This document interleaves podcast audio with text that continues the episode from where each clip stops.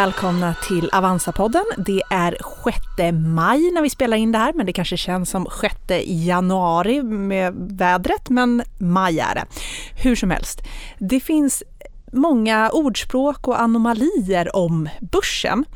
Och ett av de här ordspråken handlar om just maj och är någonting som vi ska prata om idag, nämligen Sell in May and go away. Ja, och det är väl det som är roligt med börsen också. I, i och med att det finns så pass många ordspråk och anomalier och eh, alla möjliga trender och eh, hörsägner och allt vad det kan tänkas vara. Och just, just nu där vi befinner oss i maj då så vill vi såklart eh, prata om den här. Och det är vi inte först på, på något sätt. Vi har sett både amerikansk media prata om det här, svensk media prata om det. Men det finns liksom traditioner på börsen och det här är en av dem. När vi kommer till maj, igår var det Cinco de Mayo, eh, där man också firar, eh, de vann ju, ett Mexiko vann ju ett, ett slag eh, en gång i tiden och där kan man också fundera på vilka ölvarumärken och börsnoterade ölbolag är det som säljer mest på Cinco de Mayo. Man kan ju det, men jag tror att det bara är du som gör det. ja, och här blir det liksom extra spännande då med Sell in May and Go Away, för jag tror ofta att man har hört talas om det här men kanske inte riktigt vet vad det innebär om det finns fog för uttrycket eller vart det kommer ifrån från första början och det har ju du och jag satt oss in i lite grann. Det är ju ett gammalt engelskt uttryck det här av sell in May and go away and come back on Saint Ledgers Day som du brukar fylla i när vi, det här är ju inte första gången vi pratar om det här Nej. i podden. Vi som gamla gaggisar, det kommer ju med jämna mellanrum men det är roligt. Ni får överseende med det. Och själva uttrycket här kommer en gång i tiden från att man såg aristokrater och affärsmän och inte minst bankirer lämna London city för landsbygden under de heta sommarmånaderna. Och sen så kom man tillbaka till St. Ledgers Day och det refererar ju till eh, St. Ledger's Stake som jag har förstått då är en hästkapplöpning för fullblodshästar som hålls i mitten på september. Och vill man då ha en svensk variant av det här, ja då kan man ju sådana sådana fall kanske byta ut det här till första maj-tåget. Eh, där kanske man säljer, man får vänta tills börsen öppnar då, den är inte öppet första maj. Och sen så får man köpa tillbaka till Lidingö-loppet 25 september. Mm. Så vi går från aristokraterna och bankirerna i London till eh, arbetarna som eh, går första maj-tåget och säger upp till kamp. Ja. Ja, ja men det var, det var en klockren liknelse Niklas. eh, nej, men absolut. Eh, och jag vet ju alltid när jag pratar om det här, eh, sell in May and go away and come back at the St. Ledger's Day, då måste jag ju dra en referens till Thomas Linnala, den före detta chefredaktören på Placera som har eh, tyvärr har lämnat oss, men han pratade alltid om det här och det finns säkert någon text han har skrivit om det som man kan googla upp eh, då på placera.se. Han införde ju för övrigt också tweed-torsdag på Placera redaktionen. Så det brukade vara han och Lars Frick som kom in med tweed-kavaj på torsdagar. Väldigt trevligt. Magiskt. Men, men här ja. tänker jag, för när du sa arbetarna här och första maj, jag menar någonstans så tycker väl jag att det är bra att det kanske inte bara är aristokrater och affärsmän och bankirer som har möjlighet till att ta del av sötman och det värdeskapande som sker ute i vida världen utan att alla faktiskt har möjlighet att bli delägare i fantastiska bolag och när man ser produkter och tjänster som kommer och man känner att wow, det här är fantastiskt. Att få kunna hänga med på en sån resa, inte minst med pensionskapitalet och premiepensionen, men även via fondsparande och direktägande i aktier. Vi är ju ett aktietokigt folk i Sverige. Jag tycker att det är fantastiskt. Jag menar mera, mera aktier och eh, fonder till, till folket. Absolut, couldn't agree more. Och det är ju ett väldigt Alltså aktiemarknaden är ju väldigt, vad ska man säga, liberal på det sättet. Alltså den är öppen för alla. Eh, det, och med dagens eh, courtagenivåer och noll courtage upp till 50 000 och sen låga courtage och så, så, mm, så är ju liksom hindret för att börja spara på börsen väldigt, väldigt lågt. Det, Eller det finns inte. Nej, det är i princip obefintligt precis och det här är vi ju väldigt, väldigt stolta över. Jag tror någonstans också att det sker ett strukturellt skifte för här pratar man väl lite grann att ja, men är börsen het och det är det som gör att väldigt många kommer in på börsen? Ja, till viss del, absolut. Och sen har vi mycket diskussioner i sociala medier och jag tror att vi har haft ett finger med i spelet att göra sparande och investeringar roligt, vi i termer av Avanza. Ehm, och vilket gör att många hittar till börsen, många har börjat spara. Man inser att det här är både roligt, lustfyllt, lärorikt, utbildande, ehm, allmänbildande och också lönsamt över tid. Så att det här är mer av ett strukturellt skifte tror jag och, digital native som är födda in i en digital värld där man inte går till ett bankkontor om man verkligen inte måste. Ehm, här har man liksom hittat till ett sätt att eh, vara med på börsen på ett roligt sätt. Jag tror att det här kommer bara öka. Vi har sagt det här förut i USA, millennials är den största befolkningsgruppen och de som kommer därefter. Det är en självklarhet att eh, dels för många investera men också faktiskt investera mera tiltat mot tech. Det kan man ju tycka vad man vill om. Men det här skrev också Nasdaq förut eh, för en tid sedan en bloggartikel om att att just millennials är största befolkningsgruppen och att de investerar mer i tech. För det är den typen av varumärken, produkter och tjänster som de är bekväma med och som, är, som de är uppväxta med. Nåväl, det var en lång utsvävning. Men intressant. Men ska vi eh, gå tillbaka till eh, Selling May och St. Ledgers Day och allt vad det var och eh, titta lite historiskt på hur det ser ut. Har det varit en effektiv eh, strategi att alltså lämna aktiemarknaden i maj och komma tillbaka någon gång i september. Vad har utvecklingen på börsen varit under den här perioden? Det är ju någonting som, som ehm, som du har kikat på Niklas. Och eh, man kanske redan nu ska säga att det kanske fanns väldigt tydliga argument för det tidigare. Eh, när vi liksom blev mer frånkopplade när vi lämnade stan eller vad man ska säga. Eh, sommaren innebar tunnare handel på börsen. Eh, det smögs ut små negativa nyheter som bolagen hoppades inte skulle få så stort genomslag. Eh, men kurseffekterna kanske blev ganska stora då det var eh, låg likviditet och så vidare. Riktigt så så är det ju inte ut idag när vi liksom jämt har med oss eh, både diverse medier eh, i fickan i mobilen men också Eh, börsen. Att vi, flest aktieaffärer, i alla fall hos Avanza och så, görs ju i appen idag. Ja men visst så är det ju. Jag menar, det här är ju ett stort eh, digitalt och tekniskt skifte som vi har sett de senaste åren. Så att eh, det, den här, det här uttrycket Sell in May and Go Away har väl eroderat ut lite grann och jag tror kanske att det finns, det, det är någonstans ett tecken i tiden från en svunnen tid där vi ser många Mm, argument till varför det kanske inte riktigt håller längre. Men tittar vi under perioden maj till oktober, det är alltså den tiden man då ska undvika börsen om man ska, om man ska lyssna till det här gamla uttrycket då.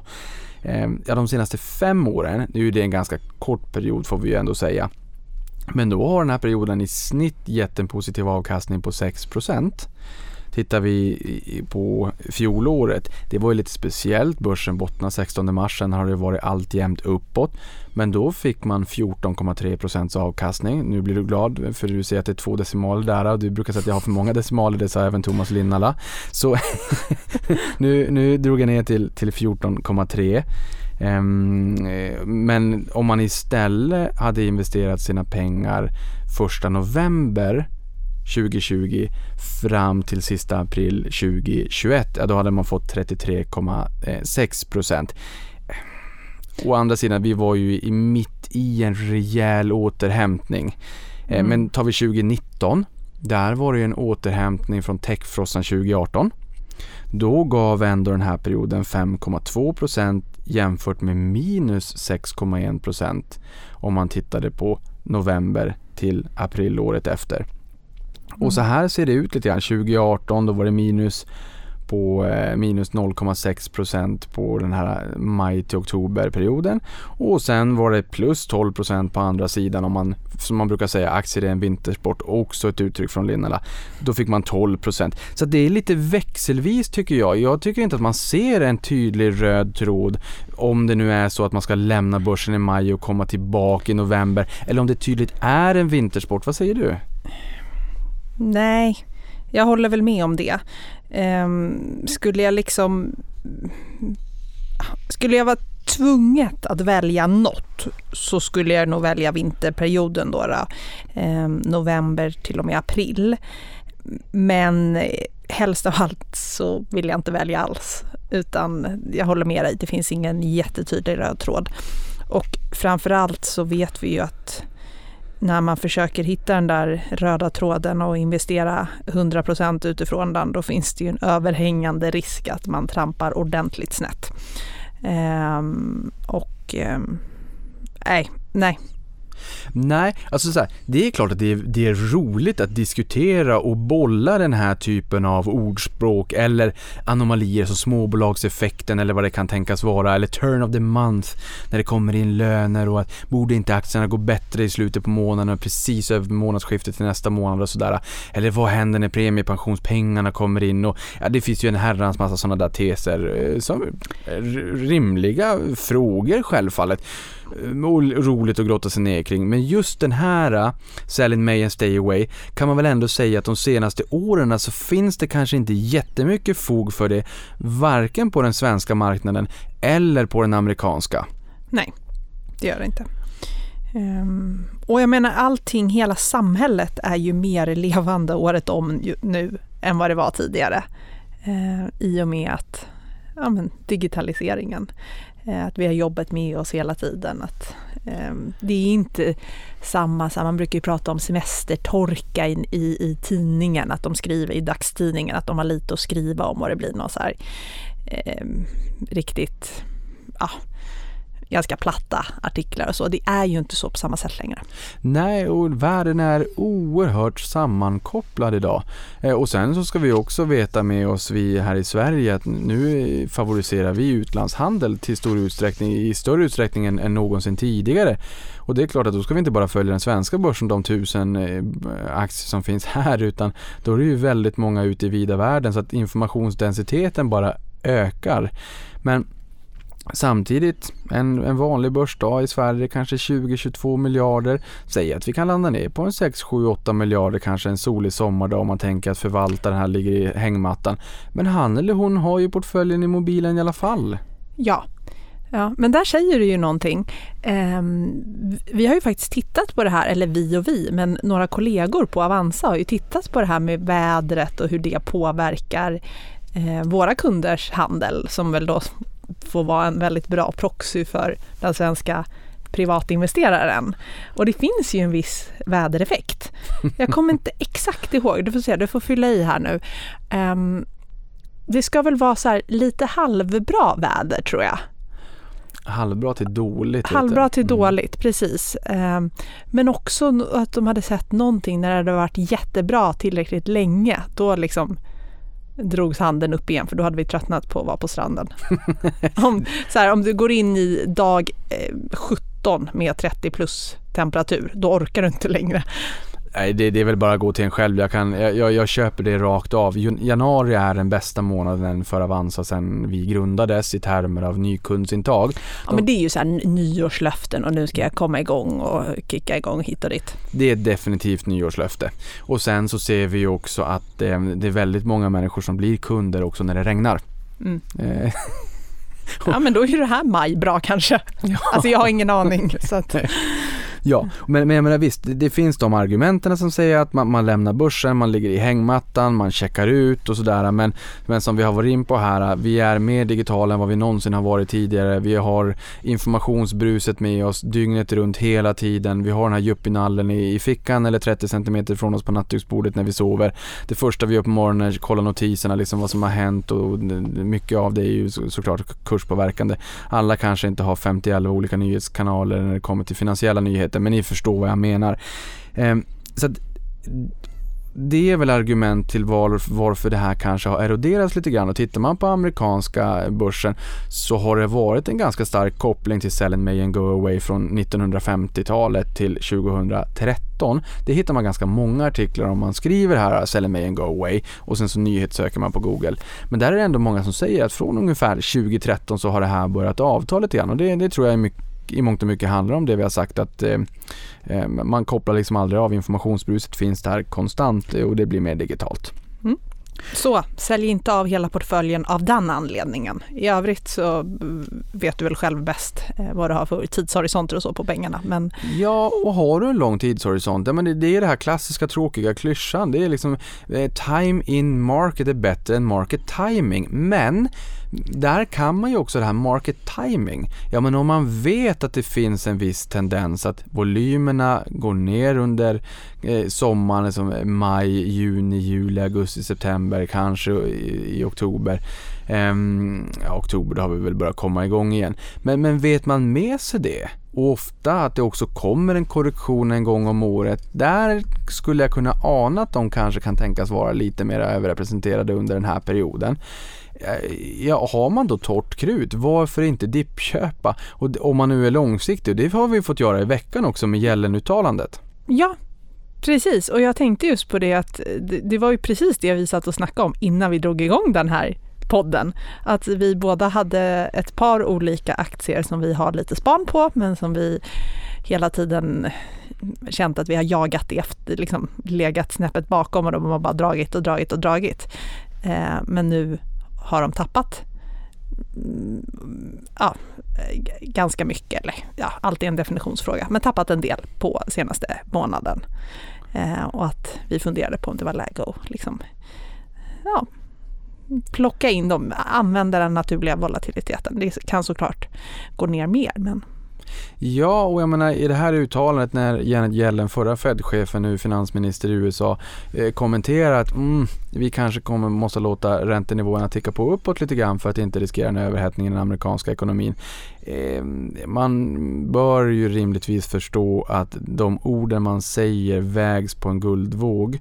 Eh, och det här är något som gjorde marknaden väldigt nervös. Det är också ett tecken på hur Eh, hur pass känslig börsen kanske är för stigande räntor eller att Fed aviserar att man ska dra ner på tillgångsköp och dra ner på liksom den här e- väldigt expansiva penningpolitiken man har. Men, men någonstans över tid, vi investerar ju inte i marknaden för att marknadsförutsättningarna är väldigt goda med en expansiv finans och penningpolitik utan vi investerar ju i bolag vi tror kommer vara värdeskapande över tid. Och det är viktigt att komma ihåg. Mm. Eh, och det kommer en period när vi får en räntehöjning, vi säkert får en sättning på marknaden för att man blir orolig. Eh, men sen så kommer det också utkristallisera sig, de bolagen som är värdeskapande, eh, de kommer att gå mycket bättre oavsett ränteklimat. Visst är det så, visst är det så. Um, och det lyfts, lyfts ju även um, röster i Sverige för en räntehöjning och att Riksbanken eh, borde agera utifrån den höga skuldsättningen vad gäller på bostadsmarknaden och de kraftigt stigande priserna. Där har ju Riksbanken hittills lyft att, att de är oroliga över kraftigt stigande priser, villapriser som gått upp 20 på ett år och så vidare och fortsätter ticka uppåt. Men att de menar att det här är finans politisk förändring som måste till, inte penningpolitisk. Men vem vet, det kan ju komma en dag där man, jag såg att Norges centralbank hade eh, uttalat sig på området nu. Och det kan ju komma en dag där Riksbanken också säger att eh, det går för långt, vi måste höja räntorna på grund av det här. Jag, ja, Ja, nej, men det där är en jätteintressant diskussion och självfallet, jag menar, här hade man ju makrotillsynen tidigare men nu har ju Finansinspektionen ansvar för makrotillsynen. Det är ju de som ska agera om de känner att eh, det barkar helt åt skogen.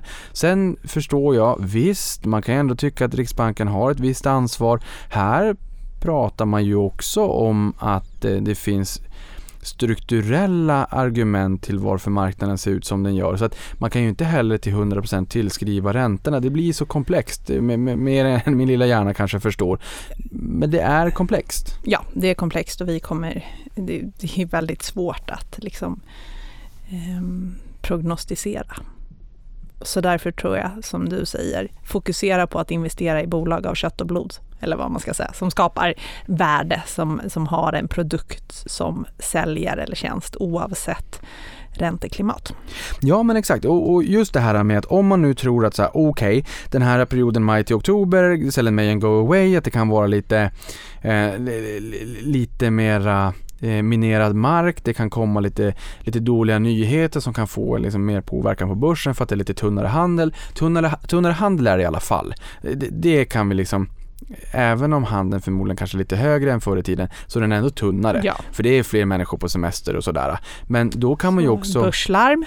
Eller kurslarm menar jag. ja, börslarm, kurslarm, det har vi pratat om eh, både, Peter, förra och, ja. både förra och förra, förra året. Tror jag. Det är en klassiker inför sommaren. Nu är det maj Johanna, nästa månad så är det juni. Vi är oerhört nära sommar och semester. Där kan man ju också tänka på som du sa där att kurslarm så kan man ta det lite lugnt, man kanske kan slappna av lite grann under sommaren men inte missa om man får en liten dipp i vissa värdepapper man är nyfikna på. Så ha lite torrt krut om man, om man så vill för lägen dyker ju ofta upp. Och här har jag läst också på Investopedia som ägs av Interactive Corp som är före detta ägare av Match Group som är modern till Tinder.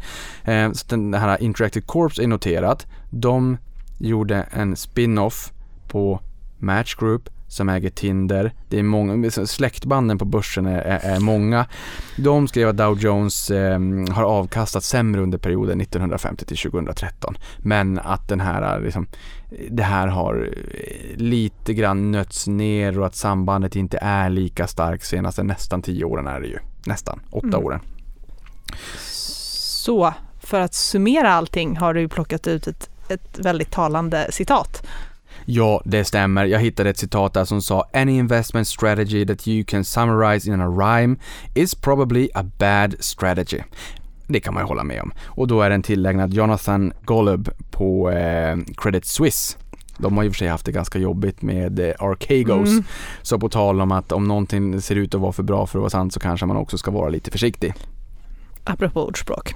Apropå ordspråk. Men här kan man ju också säga att det man brukar säga att eh, börsen är en vintersport. Det är däremot om man tittar på hur börsen har utvecklats månad över månad över månad eh, historiskt.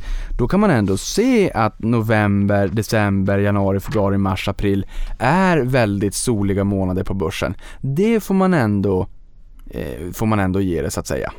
Mm. Och eh, det kan ju också ha en viss del att göra med, med utdelningarna som börjar trilla in här framåt vårkanten. Ja, men att äh, och många fonder globalt, man positionerar sig kanske inför vissa bolag här mot slutet av året. Förlorarna kanske man säljer, vinnarna kanske man köper. Man vill, man vill eh, window-dressa lite grann rapporterna innan man ska stänga böckerna. Man positionerar sig för utdelningar också. Men det är klart att det är många institutioner, stiftelser och allt vad det kan tänkas vara som vill ha hyggliga utdelare för att det kanske är så att utdelningen är prispengar till ett Nobelpris eller vad det kan tänkas vara. Jag tror också i maj har jag förstått att eh, i USA, och jag tar inte gift på det här, men att där är någon, någon form av skatt som ska betalas in och ofta brukar man då se att man, man säljer av en del aktier för att ta hem lite pengar, likvidera lite grann för att kunna betala in skatter. Så den typen av mer logiska förklaringar bidrar ju såklart också. Det gör det. Ehm, vi var inne på att vi, en stor del av handeln är utlandshandel eh, numera så att det är mer att hålla koll på, det är mer nyheter att, att eh, ja, men hålla sig uppdaterad kring helt enkelt. Och eh, som, som en följdeffekt får jag väl ändå säga av att utlandshandeln ändå står för så pass, pass stor del av omsättningen nu så har ju Avanza gjort lite förändringar i det här månatliga pressmeddelandet som vi skickar ut kring handelsstatistiken. Man tar nu även med hur stor del av eh, de courtagegenererade notorna som utlandshandeln står för. Och det här tycker jag är en jättepositiv förändring, eller förbättring. Vi strävar ju mot att vara transparenta och, och, liknande. Så jag hade ingen aning om att det här var på gång. Så jag blev glad när jag såg det i pressmeddelandet. Vad säger du Niklas? Jo, nej men det är väl klart att det är trevligt. Jag menar någonstans så befinner vi oss fortfarande i en förälskelsefas. Vi kom in med minimikortage en dollar på amerikansk handel 2015 som först i Sverige och någonstans så tror jag att det har bidragit till att allt fler har hittat till utlandshandel när det har blivit mer eh, överkomligt enkelt och, och lättillgängligt. Dels att man kan handla på sajten men också att det inte kostar skjortan att faktiskt handla utomlands. Så någonstans tror jag att vi fortfarande befinner oss i en förälskelsefas eh, likt charterturismen på 80-talet när vi kunde ut och se vida världen. Eller kanske Mallis. Eh, och, och, och jag menar, vi ser ju bara att det här ökar och ökar och ökar. Från att man har Ehm, som jag sa, tusen aktier kanske i Sverige. Det finns viss karaktäristika mot den kanske äldre ekonomin och bank och verkstad mycket. Plus att vi har en ganska fin sådd förvisso. Men många av bolagen som vi tycker är spännande är ju noterade i andra delar av världen. Ehm, och jag tror att ett Spotify som vissa kanske tycker är lite spännande. Det spelar ingen roll om ett Spotify är noterat i Sverige eller i USA för många känner så här, men jag gillar ju det här varumärket och den här tjänsten. Jag vill köpa lite aktier. Det har pratats lite om Klarna, ska de komma in? Blir det Sverige eller blir det USA? Jag tror att i mångt och mycket att man börjar krackelera det här home buyer så att det spelar inte så stor roll. Nej, nej, nej. Alltså för många privatpersoner så absolut inte. Du ska liksom fylla i ett till, du ska godkänna ett avtal på, på sajten och sen är du igång med din utlandshandel. Det är ungefär den tröskeln som finns. Ehm, och vill man äga Tesla så struntar man ju fullkomligt i att det är noterat i USA. Alltså det, det, det är liksom en no issue. Nej men, nej men jag tror det och jag tycker därför tycker jag att det är kul också att vi redovisar hur stor del av den courtagegenererande omsättningen som utgörs av utlandshandel. Eh, och det här blir lite mer bottom-up på något sätt, inte top-down eh, om man så säger att man bestämmer sig för ett visst land, ja men jag bestämmer mig för Sverige och sen går jag ner på eh, kanske branschnivå och sen så går jag ner på bolagsnivå i sektorn och sen så bestämmer jag för vilket bolag. Utan snarare att man tittar på vilka bolag gillar jag och sen oavsett vart i världen de än befinner sig, det där guldkornet vill jag ha i min portfölj. Så att Eh, långt svar på din fråga men, men jag tycker att det är trevligt att vi, vi redovisar hur stor andel av omsättningen som kommer från utlandet. Det visar att, att eh, eh svenska folket i allt större utsträckning tycker att det är spännande med aktier som är noterade på andra marknader. Man får in en annan karaktäristika i portföljen. Mm. Och att det är spännande med aktier som är noterade, på, noterade i andra länder, det ser vi ju när vi tittar på aktierna som är mest nettoköpta från årsskiftet till idag. För dit, eh, dit tar sig ett par amerikanska bolag. Du har ju föredömligt eh, tagit fram en lista för det här. Det är Niklas som har stått för all, eh, alla bakgrundsuppgifter till det här avsnittet så jag får tacka honom. Ja, och det är väl inte så jättemycket uppgifter. Det är väl snarare mera bara att det finns ett ordspråk, ett uttryck som heter sell me may and go away. Det var starkare tider, det är inte lika starkt nu för tiden. Men det är väldigt trevligt att ändå förstå någonstans få en känsla för att det är det här som gör marknaden rolig också. Det är mycket fikonspråk och det är lingo, det är hit och dit. Det är lite kul att ändå bara få en förståelse. Vart kommer uttrycket ifrån? Vad betyder det? Behöver jag bry mig? Eller är det bara liksom någon form av arv, men som ändå är lite kul och lite, lite allmänbildande, lite kuriosigt att känna till. Och det, jag kanske lutar åt det sistnämnda då. Mm. Eh, ja men det landade vi nog i. Men, men, Så att, vilka är aktierna? Men med listan här, Volvo har ju varit ett bolag som har haft det tufft i halvledarbristen vi har sett globalt och fortsatt ser. TSMC som världens största eh, producent av halvledare har ändå sagt att man kommer att kunna eh, möta fordonsindustrins minimikrav här vid halvårsskiftet. Det tror jag inte riktigt att man trodde från början innan det här beskedet kom, men Volvo sa att man hade det tufft, man skulle dra ner produktionen, man, det kommer slå på försäljning och kassaflöde. Eh, lite positiva nyheter här och en rapport också det, som var bättre än vad marknaden förväntade sig. Den har man handlat allra mest. Investor har det hänt ganska mycket. Det har varit en del rapporter från både ABB men även Atlas Copco med deras vakuumteknik, den divisionen som eh, är en viktig global underleverantör till halvledarindustrin. Nu investeras det enorma summor pengar för att bygga ut ny kapacitet när det kommer till halvledare. Inte minst säger Europa, vi måste bli mer självförsörjande på halvledare. USA säger det, Intel klagar mycket. Eh, de har incitament att göra det självfallet. Därför att TSMC är i, i eh, Taiwan eh, och här vill man ha lite mera produktionen hemma. I USA så hade man det här på 90-talet hade man 37 av, av tillverkningen globalt hemma i USA och nu är den siffran 12% Så att man, man har liksom tappat mark. Sen har vi Tele2, typiskt telekomoperatörer, det är lite mer defensivt. Eh, de har värdering som kanske inte är jätte hög, en direktavkastning som är ganska hygglig och en aktiekurs som inte hängt med i den övriga uppgången i år så att man har flödat in lite grann i. Embracer, en småspararfavorit. Värmlands stolthet brukar man kalla det för. Eh, med, med Lars Wingefors och Embracer, ett gamingbolag som tar fram eh, dataspel. Då. Eh, sen har vi ju GameStop som har eh, intresserat väldigt många. Här kan man tycka att det är lite bubbligt. Jag vill bara lägga in att medianinvesteringen är runt 4 000. Tesla letar sig också upp här. Äh, har ju kommit in i S&P 500 för inte allt för länge sedan. Röner stort intresse. Boliden, kopparpriset är uppe på äh, 10 000 dollar per ton. Brukar sägas vara en ledande, ledande i dubbelmärkning. Eh, global konjunkturindikator för sin spridda industriella användning runt om i världen i så oerhört många olika processer, tillverkningsprocesser. Ehm, Telia, telekomoperatör återigen, ST dasspapper, inte länge sedan vi hade den nationella dasspapperskrisen. Och sen AstraZeneca som jag undrar om de har ångrat lite grann att de gav sig in i eh, vaccinkampen med, med den badwill som har skett där. Det är ju en liten del av bolaget men, men det är ju nog oönskat. Ja, det tror jag också och de, de skulle ju heller inte tjäna, eller kommer ju inte tjäna pengar på det här. Det var ju inte deras intention utan det var ju att gå liksom plus minus noll och snarare göra en insats för för världen. Eh, sen har de ju fått eh, väldigt mycket negativa nyheter så jag, jag, är nog på din linje där att jag tror att de ångrar sig lite. Tänkte jag faktiskt avsluta med en fråga som jag har plockat här från gruppen. Då är det en person som skriver så här. Varför kan man inte ta ut pengar direkt när man sålt aktier?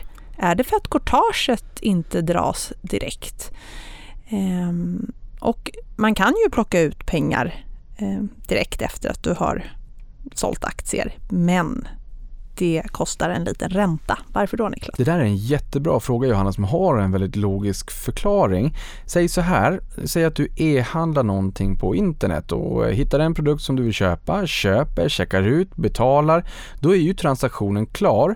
Men där är det ju ganska logiskt att det tar ett tag från det att du har köpt den här produkten tills dess att du har fått den levererad och kan gå, ut på, eh, gå till ditt närmaste uthämtningsställe och hämta ut paketet.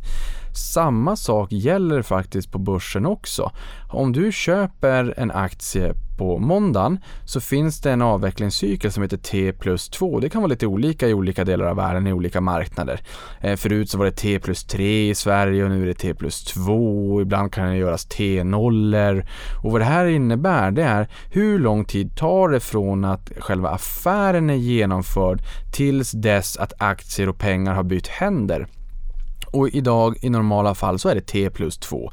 Så köper du en aktie på måndagen så innebär det att det tar måndagen, tisdagen, onsdagen T för trade date plus två dagar till innan affären är helt avvecklad. Och Det innebär att på onsdagen, ja men då byter aktier och pengar händer. Då kommer om du har sålt en aktie då, då kommer den aktien att levereras till köparen som kanske är kund hos Credit Suisse och den köparen som kommer att skicka pengarna till Avanza, det vill säga in på din depå i slutändan då. Men så fort du har sålt en aktie, då ser det ut som att pengarna har kommit in på kontot direkt. Men de finns inte där. Avvecklingscykeln är inte klar. Transaktionen är genomförd. Köpet på nätbutiken är genomförd, men produkten har inte levererats. I ditt fall så är transaktionen genomförd, men pengar och aktier har inte bytt händer det tar lite tid helt enkelt att klära den här affären. Så att eh, tar du ut pengar innan den här avvecklingscykeln är gjord eh, så, så tar du ut pengar som inte faktiskt egentligen finns på ditt konto än utan de bara speglas, ser ut som att eh, de gör det, men de kommer ju komma. Eh, men vanligtvis brukar ju inte det vara något, något större problem. Eh, och är det så att, att man vill ta ut pengarna så brukar det heller inte röra sig om så här jättemånga kronor. Så. Men ehm, mm, det är alltså ingenting med courtaget att göra just, just den frågan. Ja, med det sagt så kanske vi ska gå ut i det här ljuvliga majvädret och ja, mm, på återhörande. Vi hörs igen nästa vecka. Och stort tack för att du lyssnade på det här.